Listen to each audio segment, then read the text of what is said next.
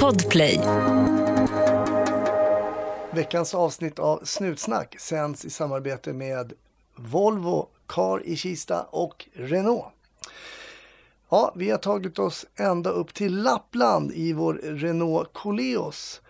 Och eh, jag fick lite pikar på Instagram. För jag tycker att Renault har en så jäkla bra feature att man ser liksom på instrumentpanelen vid hastighetsmätaren vad det är för hastighetsbegränsning som gäller. Så precis när man passerar en skylt, plopp, går upp från 80 till 100. Och det kan, för jag fick också lite pikar om, vadå, glömmer du vad det är för hastighet? Ja, när man sitter och långkör, vi körde då 82 mil är upp hit där vi är just nu. Då händer det faktiskt att man, är det 90 eller är det 110 och så här, då kan man kolla på mätaren där. Och så jobbar vi med adaptiva farthållaren. Jag gör det mer än min fru, men jag älskar adaptiv farthållare. Det är riktigt bra tycker jag. Vill du ha en bil som har de här features? Ja men åk, åk, åk till Volvo Car i Kista och provkör en Renault vet jag. Vi tycker Coleosen är väldigt fin. Trevliga säljare där så vi får surra med dem. Efter det avsnitt som du snart kommer höra Onsdagen den 30 juni så skjuts en ung polisman till döds i Biskopsgården i Göteborg. Våra tankar går givetvis till hans gravida sambo, hans anhöriga, nära och kära, också till hans kollegor och alla poliskollegor där ute i Sverige. Det här är det värsta som kan hända. Det är inte en olycka. Det är en polisman som har blivit mördad. Vi hoppas verkligen att den skyldige grips och får ett rättmätigt straff.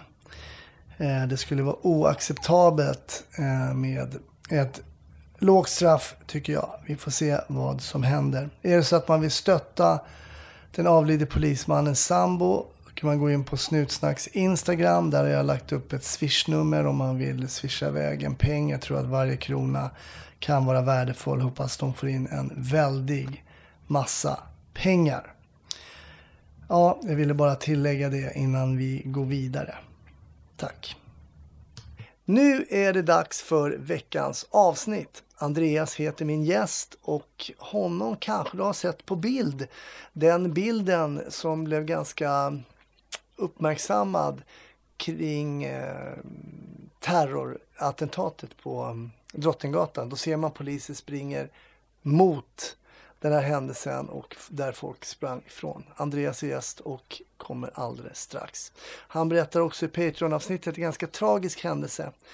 Vill du bli Patreon och ta del av bonusmaterial så gå in på patreon.com snutsnack. Annars finns vi på Facebook och Instagram. Nu önskar jag dig en härlig sommardag. Det ska det vara om du lyssnar i eh, närtid från när podden släpps. Annars får du vara försiktig där ute i alla fall och ha en trevlig lyssning. 1310 1070 kom. 1310 Odengatan kom.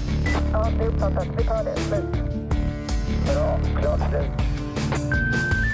Ja, då säger jag hjärtligt eh, välkommen till Snutsnack Andreas.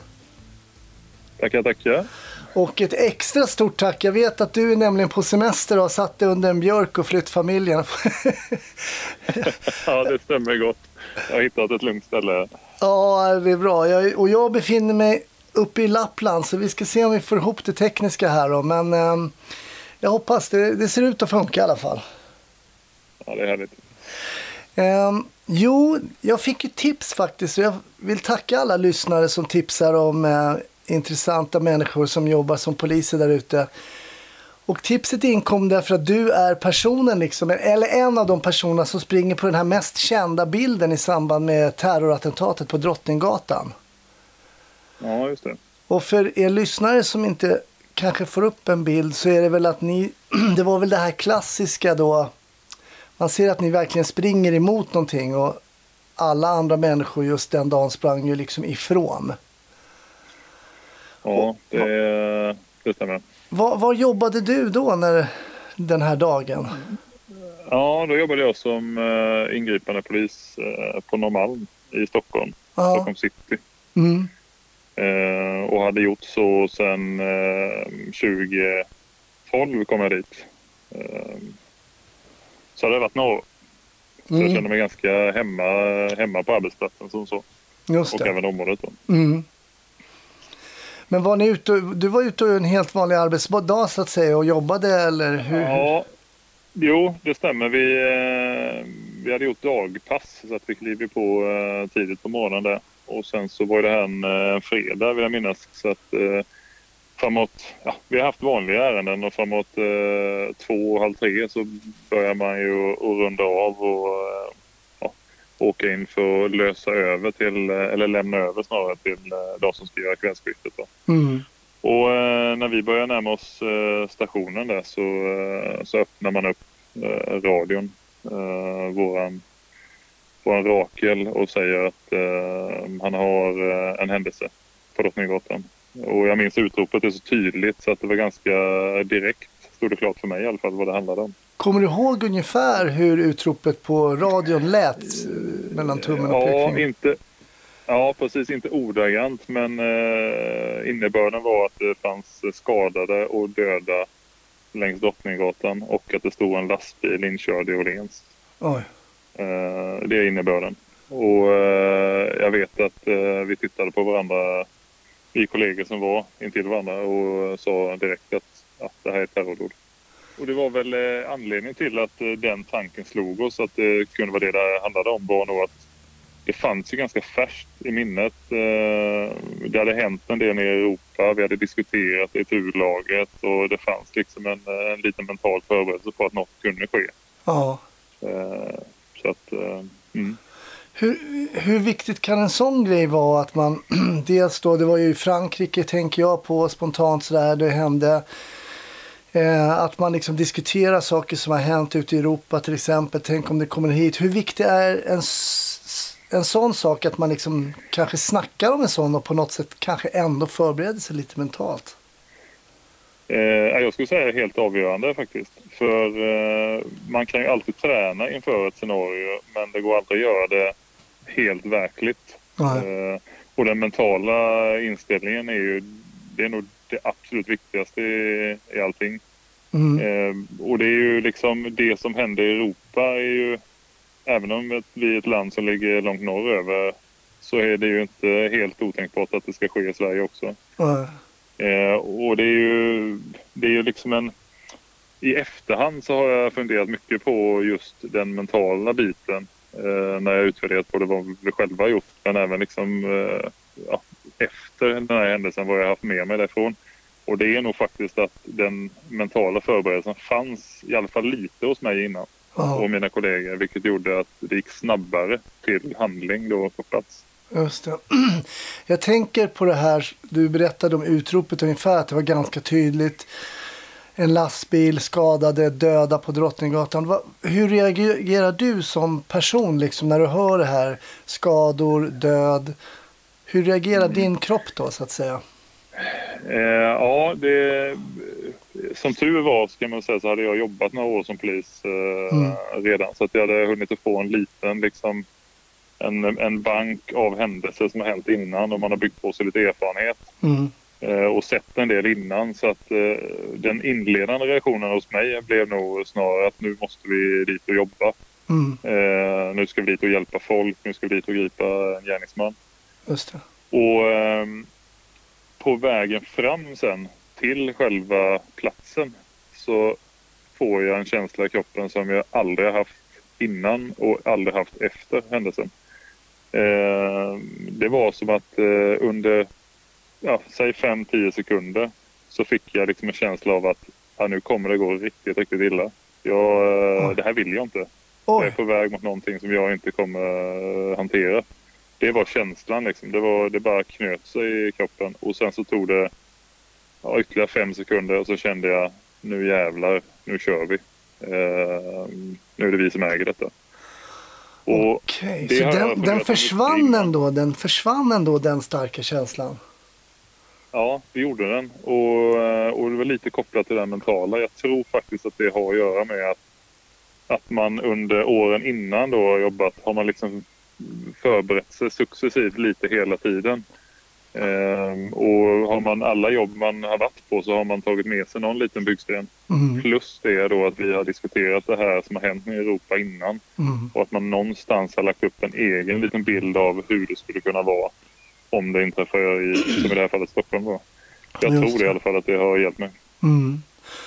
Och när du är på väg då och har haft den här känslan först, den här lite, var det någon form av panik eller var det bara liksom en känsla av att nu kommer det gå illa? Liksom? Var det, ville ja, du fly det... också eller?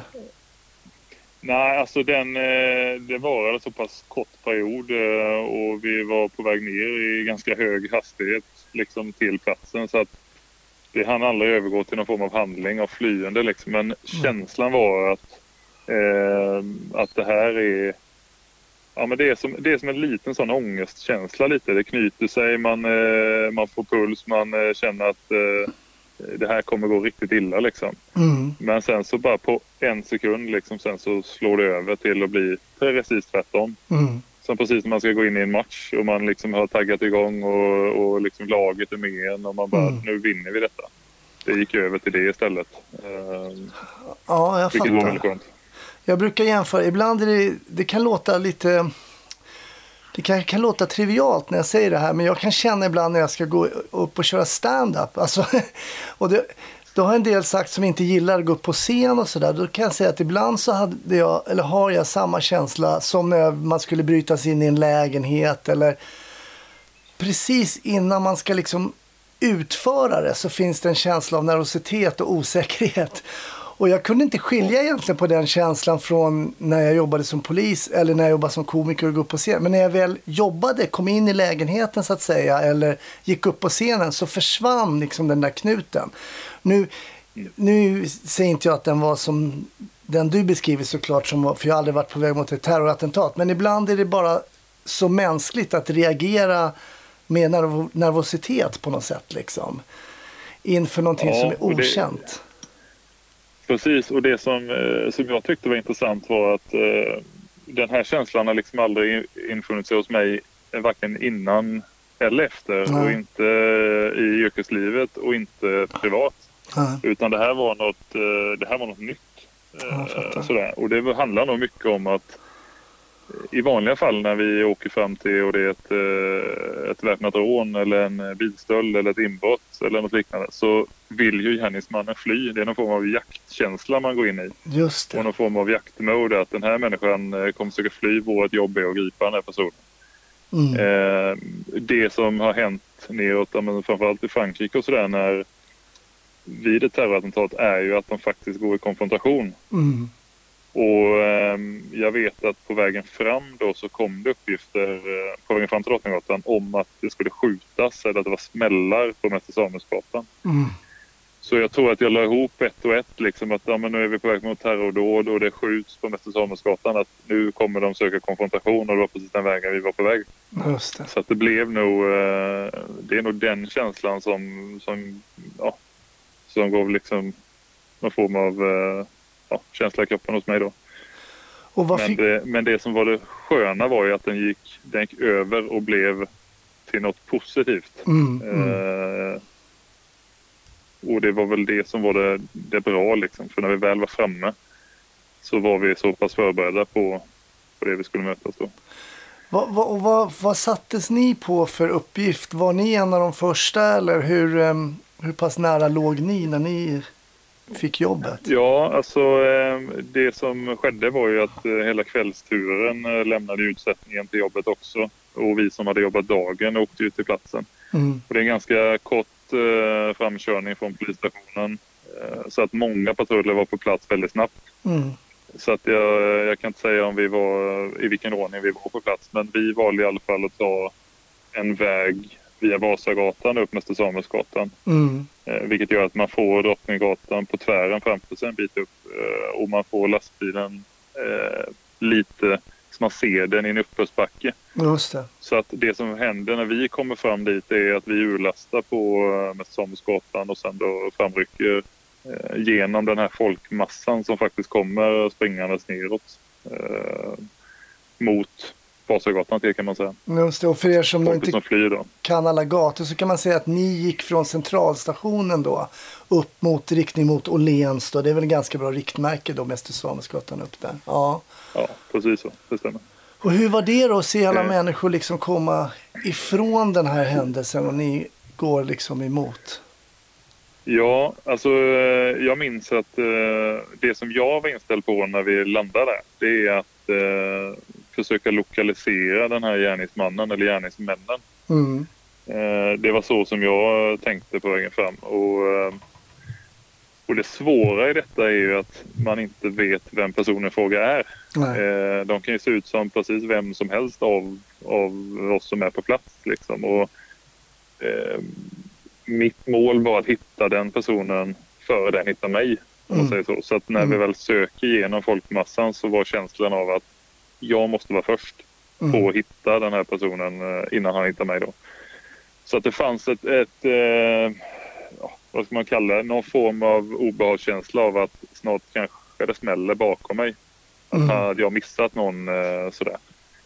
Så att eh, man, eh, man fick ju, man använde ett par ögon liksom. Man försökte att hitta någon som kunde stämma överens med vad vi letade efter. Men det är just det, vad letar vi efter?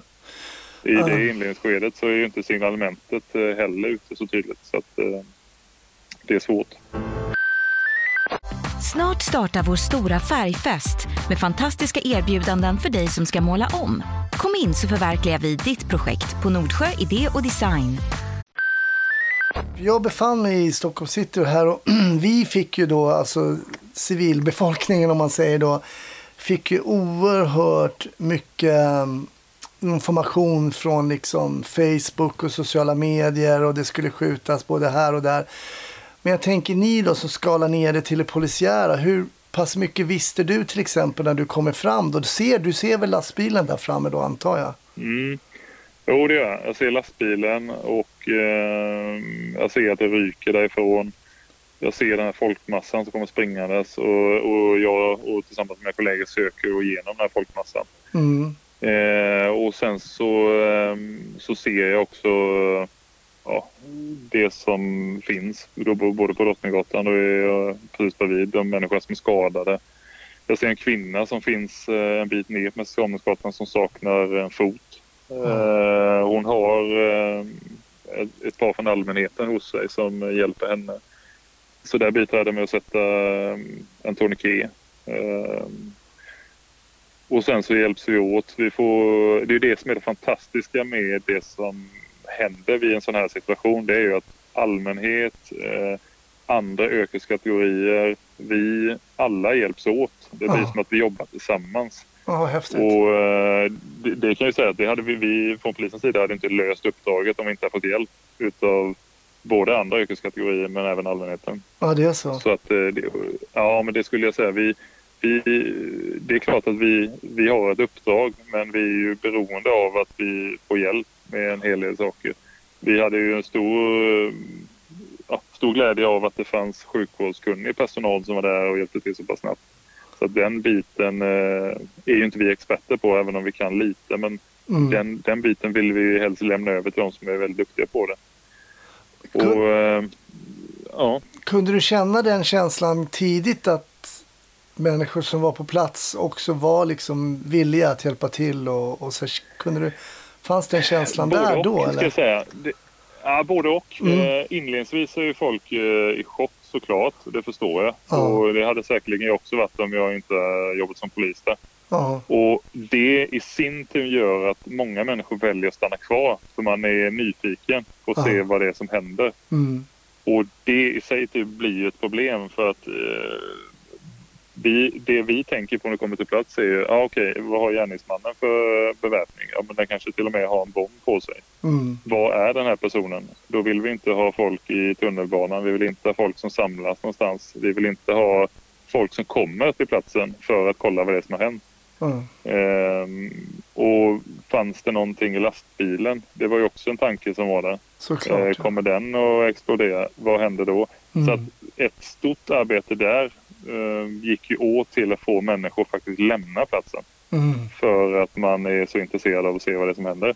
mm, Eh, men allt eftersom tiden går så märker man ju att, eh, att människor blir välvilliga till att hjälpa till. Och de som initialt hade liksom eh, tagit om hand om folk som var skadade och, eh, och hjälpt till att få bort folk och så här, de, eh, de, ville, de ville hjälpa till ännu mer. Eh, och, och liksom bad om nya, nya direktiv om man ska säga så. Okay. Så att det fanns många som ville hjälpa till. Vad tycker du? Det här, det är, det här är ju lite det här fenomenet med tittköer, alltså man, trafikolycka på mm. E4 under semestertider eller något sånt där. Och mm. vad, vad skulle du rekommendera då folk som är med om sådana här saker? Ja. Man förstår ju att man är nyfiken men det... Nej, alltså ja, det är ett fenomen som har blivit värre och värre. Och eh, jag kan ju inte förstå faktiskt att det är så pass intressant att man stannar och filmar och fotograferar människor som är utsatta. Mm. Det, är, det är människor som har drabbats av vare sig det är en trafikolycka eller, eller en annan eh, skada eller någonting annat. Så den personen i fråga är ju redan utsatt som det är. Mm. Och, uh, man vill ju allra helst inte hamna på film eller foto i det läget heller. Mm. Plus att det fenomenet att man stannar för att fotografera eller filma gör ju att man hindrar eh, räddningspersonal för att göra sitt jobb. Plus mm. att man bildar köer om det nu är trafik. Så, så min rekommendation är att eh, passera och låta de som jobbar på platsen jobba i fred. Mm. Eh, Vad händer fortsätt, fortsättningsvis för dig där då? Mm. Du sätter den här tourniqueten. Det är rätt intressant. På min tid då som är några år sedan så vi, vi, jag hade inte förmåga inte med sådana där grejer att sätta en tourniquet. Hur länge, sedan har man, hur länge har man fått den här utbildningen att kunna stoppa en sån blödning till exempel? Ja, vi hade haft eh, ett par år tidigare. Eh, hade jag fått utbildning i det. Så, eh, och sen huruvida Stockholm var tidigt ute eller om det var nationellt, det vet jag inte. Men, så jag hade haft eh, i min utrustning kanske sedan 20, ja, skulle tippa på 2015 någonstans där kanske, 2014. Mm.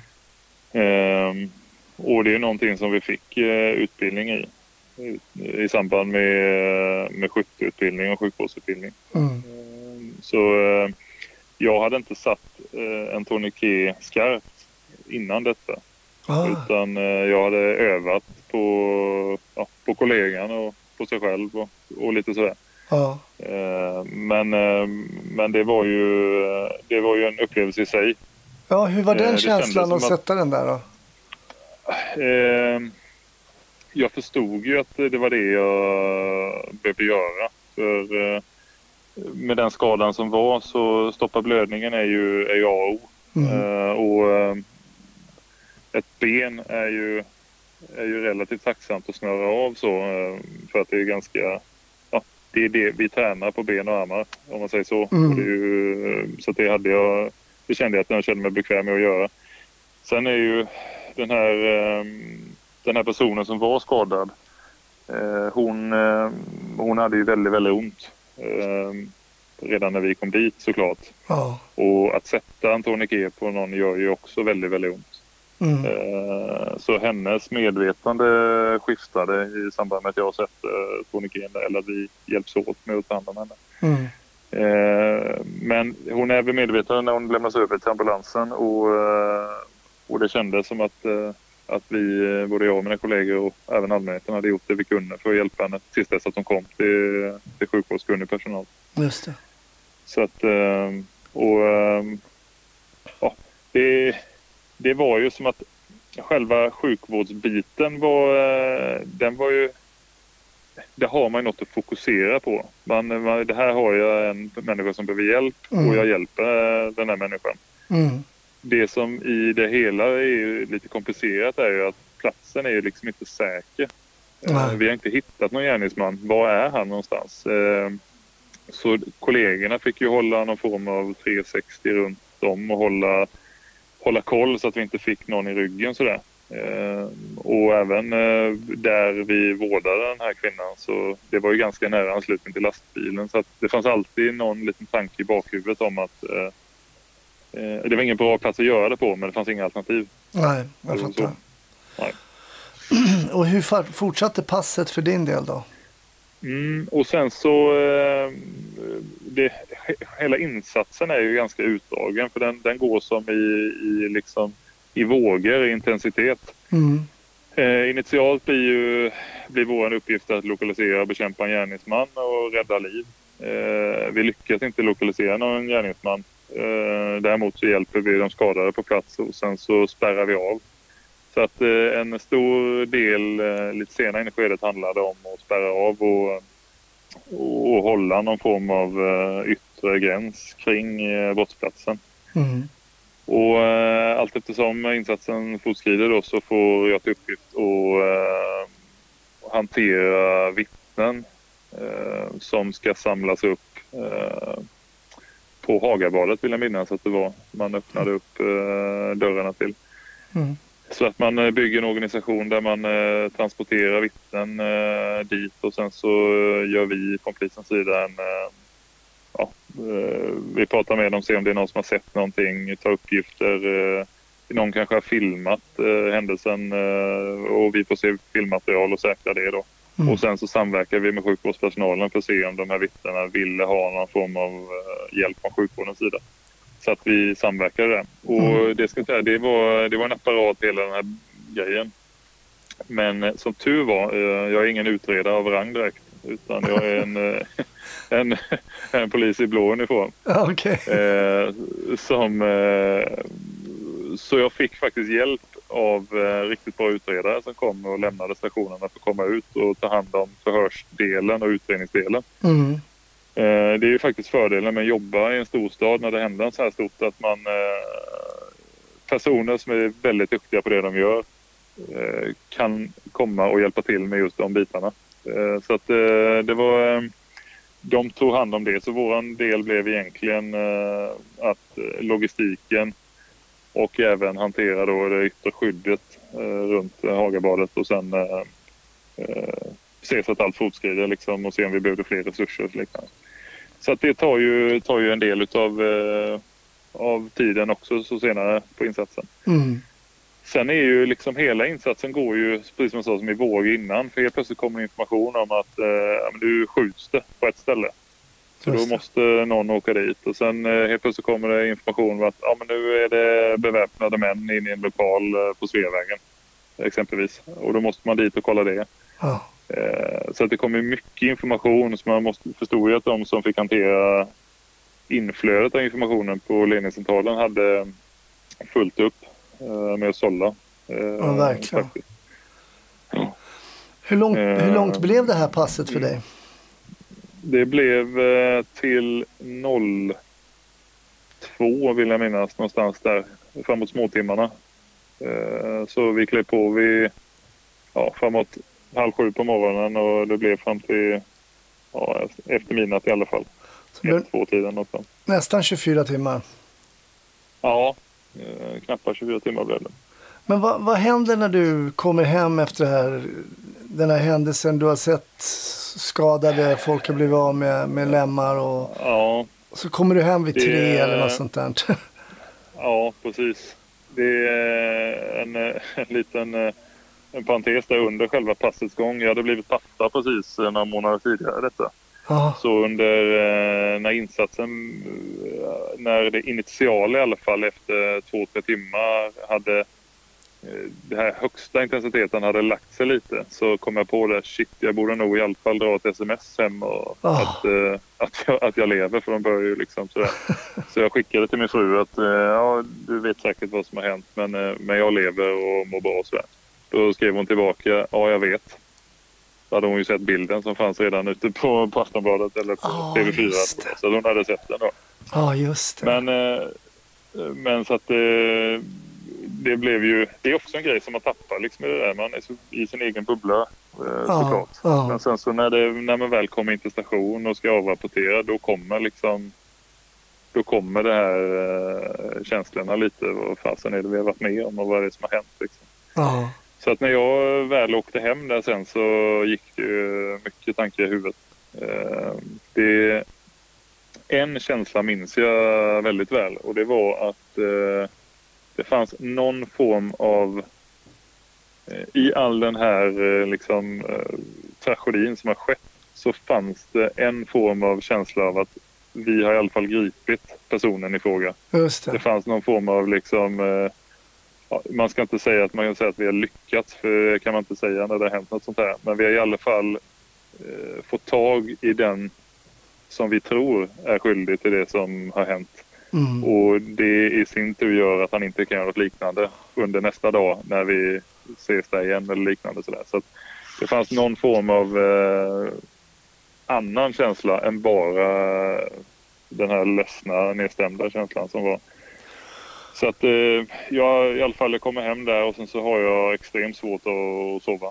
Det, jag minns att jag sätter mig i soffan och funderar funderar. Men ah. eh, det bara snurrar. Ah. Så det dröjer ytterligare en stund innan jag väl somnar sen. Men det var, det var en orolig morgon. Det var det. Ja, jag förstår det.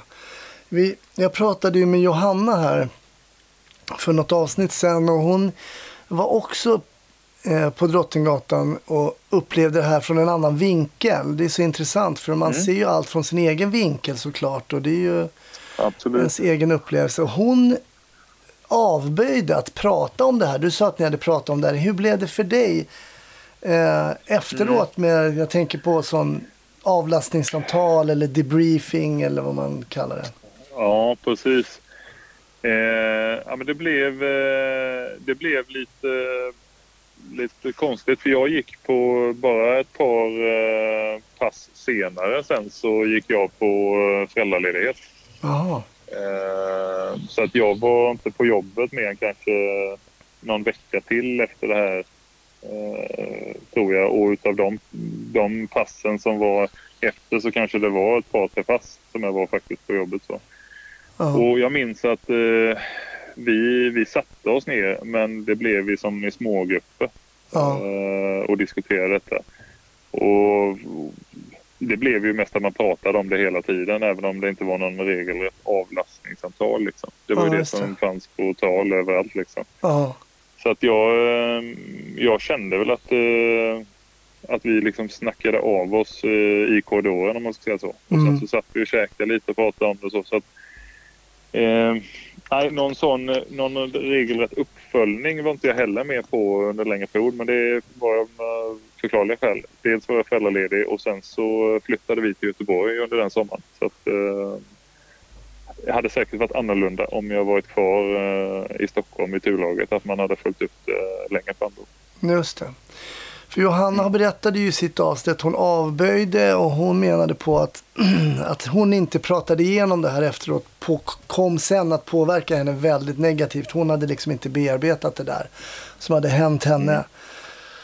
Det är också intressant hur pass olika det träffar. Um, från person till person. Det är väldigt individuellt. Och du var inne på det lite innan här. Eh, att eh, Du berättade att du har jobbat på ordning tag. Du hade liksom blivit marinerad lite i jobb som hade gjort att du har vant dig vid kanske stress eh, men också yttre påverkan av liksom bilder och sånt där. För jag kan tänka mig att det är ändå av vikt att, att ha liksom upplevt saker som liknar det här och kanske pratat om sånt innan.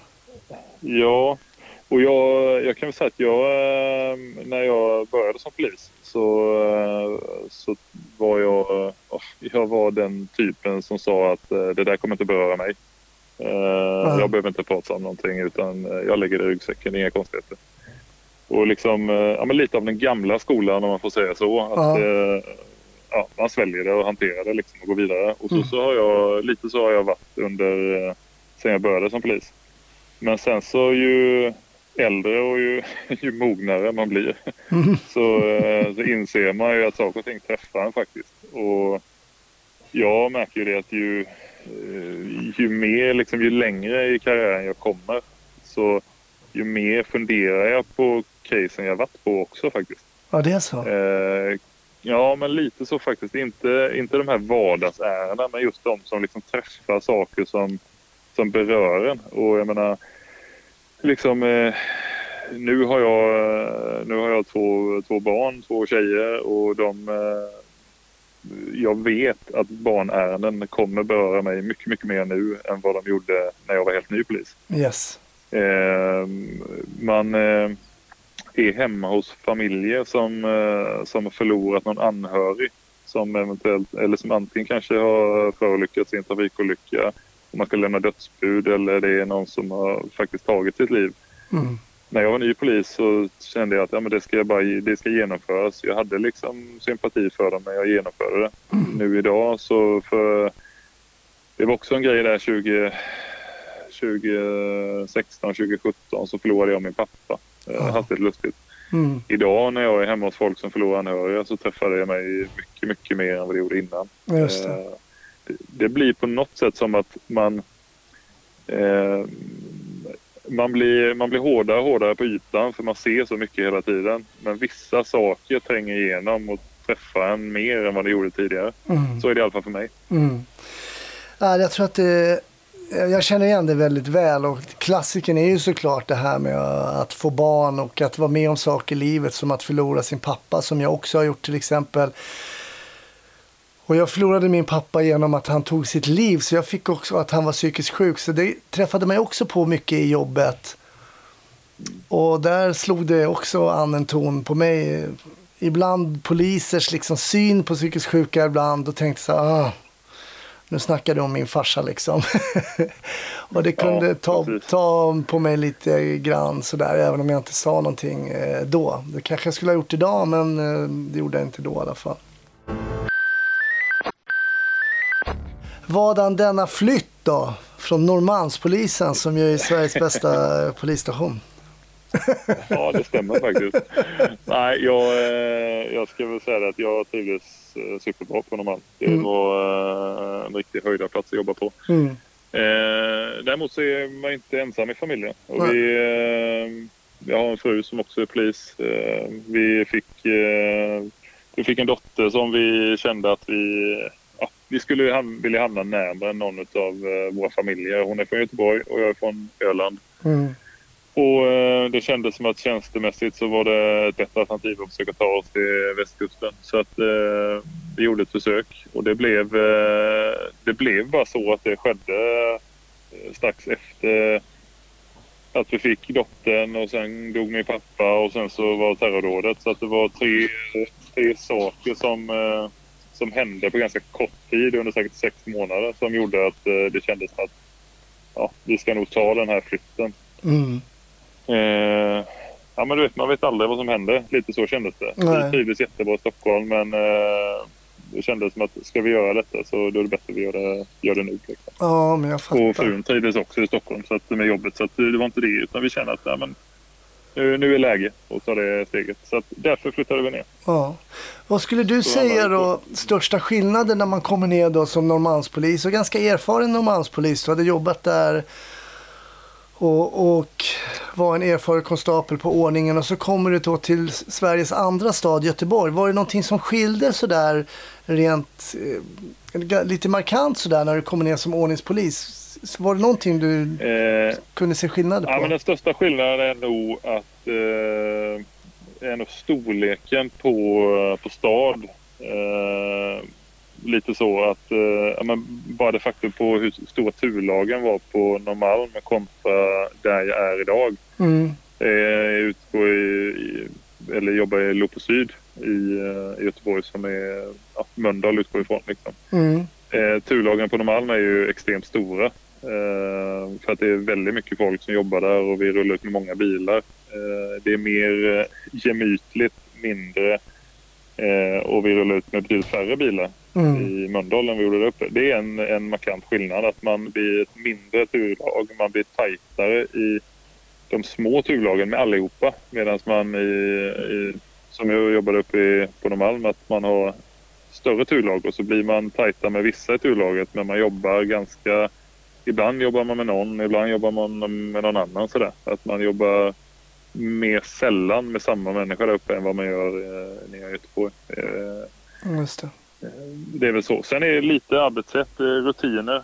Framförallt rutiner skulle jag säga. Mm. Eh, Stockholm eh, har jobbat in sina rutiner under många år på hur man hanterar saker och ting. Och, och Göteborg andra. Så att det var ju en, en period för mig att vänja sig vänja in i, i de rutinerna. Just det.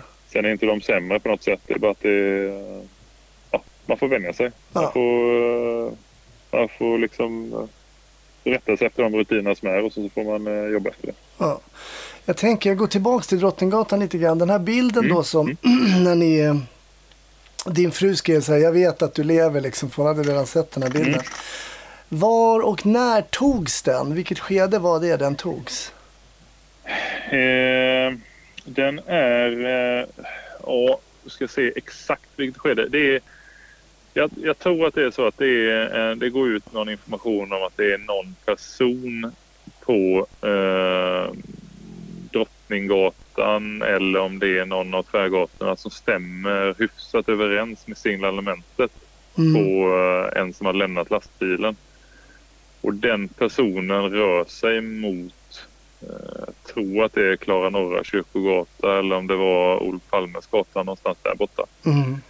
Eh, så att eh, då, eh, det är det skedet vi springer mot honom mm. som, som den här bilden tas. Och jag, jag minns på vägen fram att jag ser den här, den här fotografen ja, med sitt objektiv. Ja, för han står nämligen på knä. Eh, tror jag det han gör. Han, han står i alla fall hukad på något sätt. Och alla andra mm. springer ju eller liksom står upp. Och han håller någonting i handen. Så min första tiondel av sekund var där är han. Oh, och sen oj. så såg jag på ett objektiv så att eh, eh, så spänt var läget. Mm, jag fattar. Eh, lite så. Sen, eh, så i det skedet eh, tog, tog jag den bilden togs.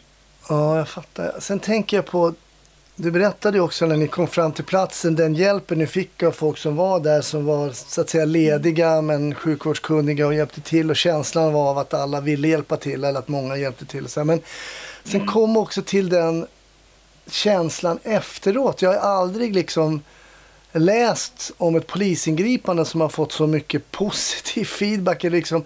Och då menar jag från allmänheten. Man såg ju polisbilar som var liksom belamrade med blommor och sådär. Hur mycket upplevde du mm. av den känslan, liksom av den feedbacken tillbaks från allmänheten? Ja, det, det är helt obeskrivligt faktiskt. Jag, jag var inte beredd på det. För det var ju som eh, ett par dagar senare, jag tror att det var på söndag vill jag minnas, så hade man väl manifestationen där nere på mm. Eh, plattan. Eller om det Ja, det var i alla fall i anslutning till händelsen då ett par dagar senare. Så, eh, och då jobbade jag mm. där nere med ja, trygghetsskapande runt Åhléns.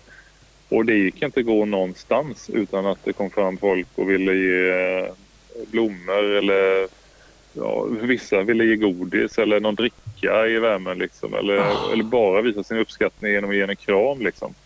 Wow. det var, det var sån, ja det var, det var helt fantastiskt. Det var en häftig känsla. Men, och det som var så häftigt var att den känslan var sån stor kontrast mot vad det var på fredagen. På fredagen var det kaos. Det var, det var bara förödelse. Det var liksom, jag hade en känsla av att jag bara ville få tag i den här människan som har gjort detta. Mm. Och sen, du vet, när vi var där ett par dagar senare på, på den här manifestationen och man får den, den här uppskattningen och helt plötsligt blir platsen till något positivt. Oh. Det gick liksom från eh, det mörkaste mörka till det ljusaste liksom på, på ett par dagar. Det var häftigt att se. För att det är man väl inte eh, helt bortskämd med som polis, tänker jag, liksom med den här totala glädjen över att man finns där liksom. Om man ska vara helt det, krass liksom. Nej, det är väl inte den positiva uppskattningen är inte den vi får höra mest, så kan jag väl säga. Ja, precis. nej, det är, och så det, så det kan jag väl förstå. Det är ju eh, det är inte bara till gott för folk när vi, när vi är där. Nej. Även om vi försöker göra vårt jobb så påverkas ju människor av det. Men eh, i det här fallet så var det, var det så. Ja. Så att, eh, nej, det är en häftig, häftig känsla. Ja, det är ju en historisk dag att ha jobbat på på något sätt. Den här, um, när det här skedde då på Drottninggatan då. Att, att ha varit med. Jag säger inte att det är positivt. Jag säger bara att det är historiskt ändå att liksom uh, ha varit med och säga att jag jag var där och försökte göra det bästa av situationen och försöka hjälpa till och sådär. Det kan jag tänka mig.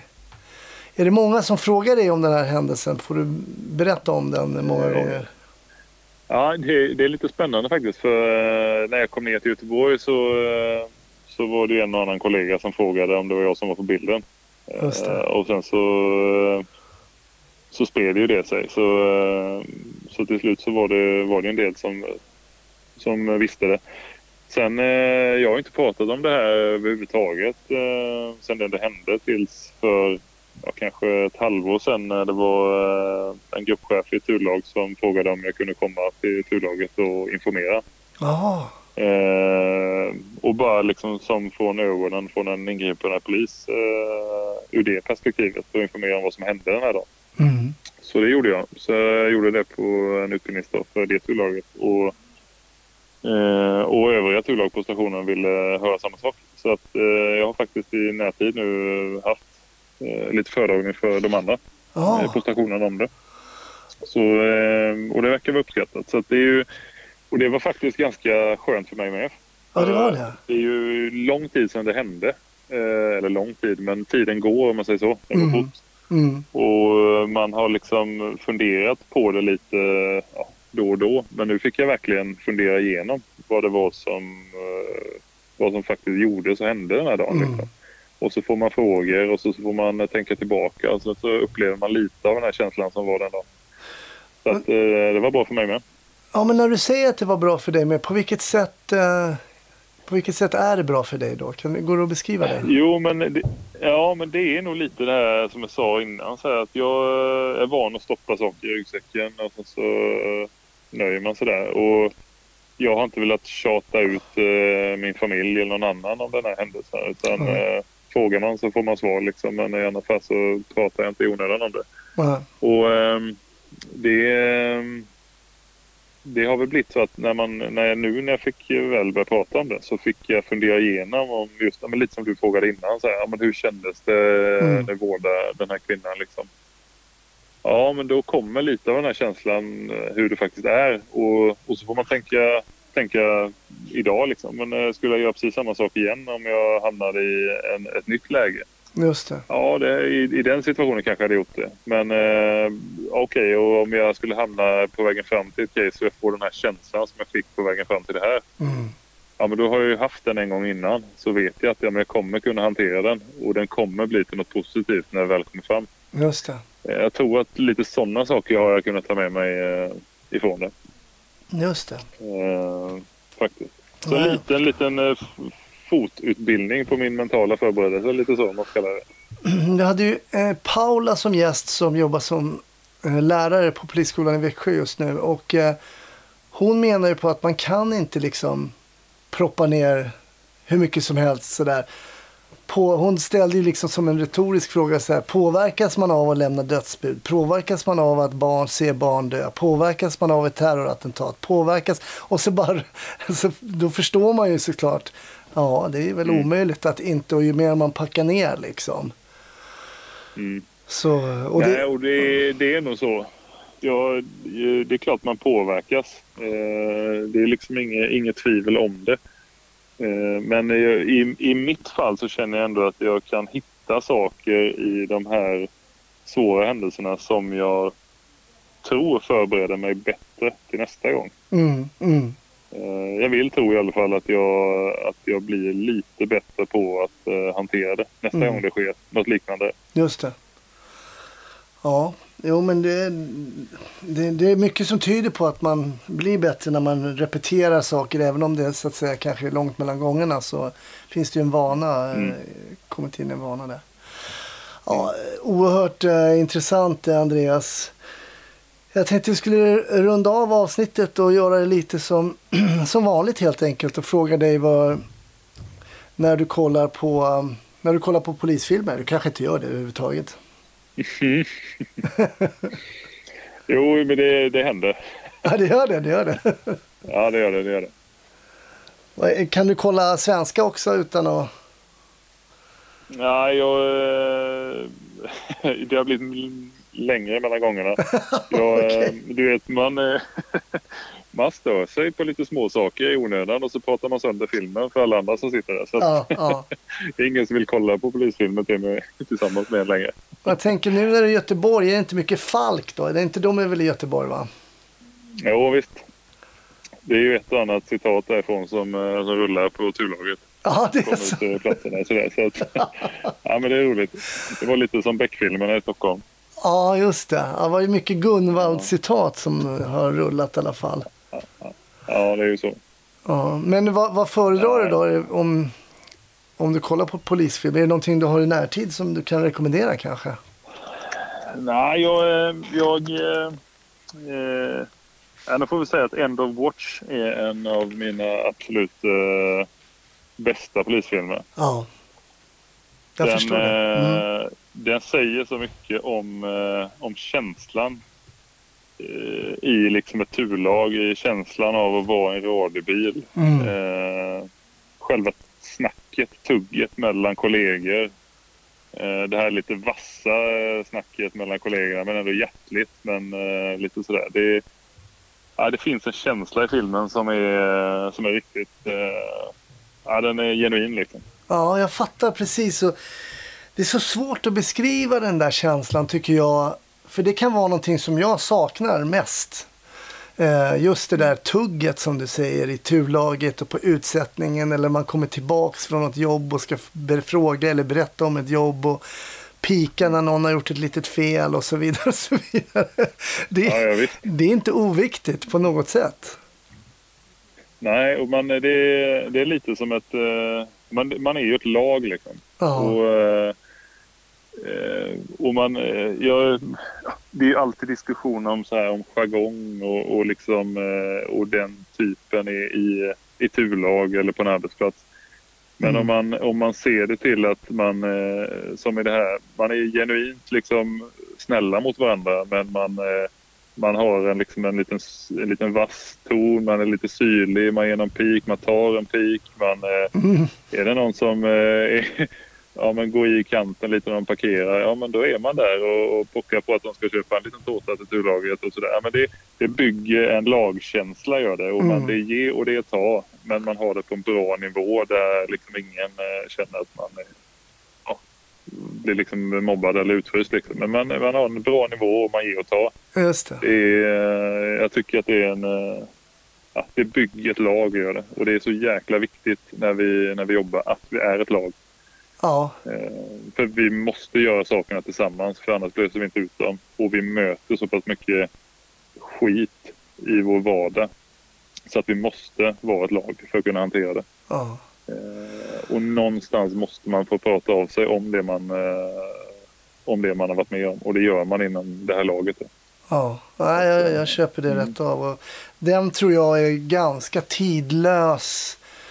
Eh, även om det säkert har ändrat sig genom åren på något sätt. När farsan var, var polis i början på 60-talet och jag på 80-talet. Och, och så, men jag tror ändå den eh, kårandan som en del beskriver som någonting negativt. Men som Mm. vi pratar om nu också är någonting väldigt positivt.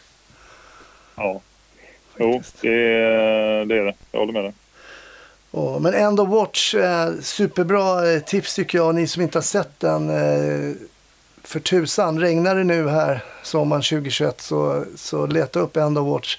Och den är också lite lattjo filmad liksom, för den är ju lite sådär handkamera, att han filmar själv. Så man får ju lite sån Mm. point of view liksom. jag, vi ska inte avslöja för Ja. mycket, men väldigt bra i alla fall. Nej, det är en bra öppningsscen också. Man, eh, man kommer vilja se mer. Ja, jättebra. Andreas, eh, stort tack att du ville berätta om det här som du var med om på Drottninggatan. Ja, tack själv. Det är bara trevligt. Ja, och ehm, du kommer ju även vara med i ett Patreon-avsnitt och där kommer du berätta om en, en tragisk händelse. Tyvärr är det ju så att ni poliser är, åker iväg på tragiska händelser. Ja, det stämmer. Och eh, det här är en grej som hände dig ganska tidigt i karriären. Är du sugen på att lyssna på det här också och inte är Patreon så gå in på patreon.com snutsnack och bli det så du kan ta del av bonusmaterial. Men än en gång Andreas, tack så jättemycket och ha en fortsatt jättetrevlig semester. Detsamma, detsamma. Tack.